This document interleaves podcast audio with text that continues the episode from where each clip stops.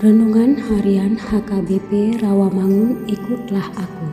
Jumat 15 Desember 2023 Dengan judul Kesetiaan dalam Berjaga-jaga.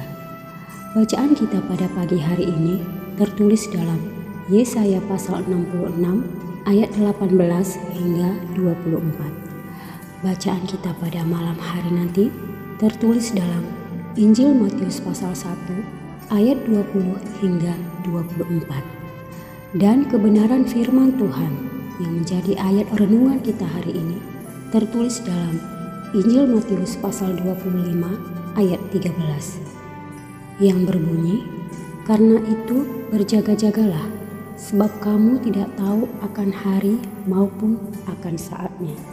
Demikian firman Tuhan.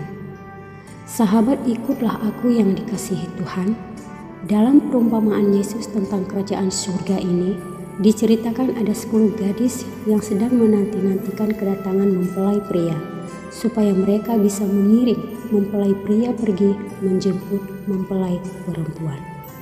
Persiapan yang dilakukan gadis-gadis tersebut tidak sama.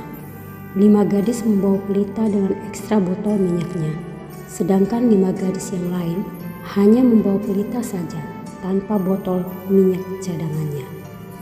Kelima gadis tanpa botol minyak tersebut tampaknya tidak mengantisipasi kemungkinan keterlambatan atau ketertundaan kedatangan mempelai pria.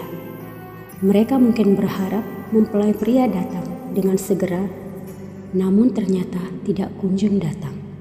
Sedangkan kelima gadis dengan botol minyak mengantisipasi keterlambatan atau penundaan kedatangan mempelai pria.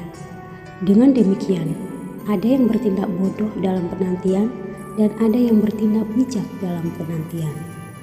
Apa yang membedakan mereka? Kesetiaan berjaga-jaga dalam proses penantian tersebut.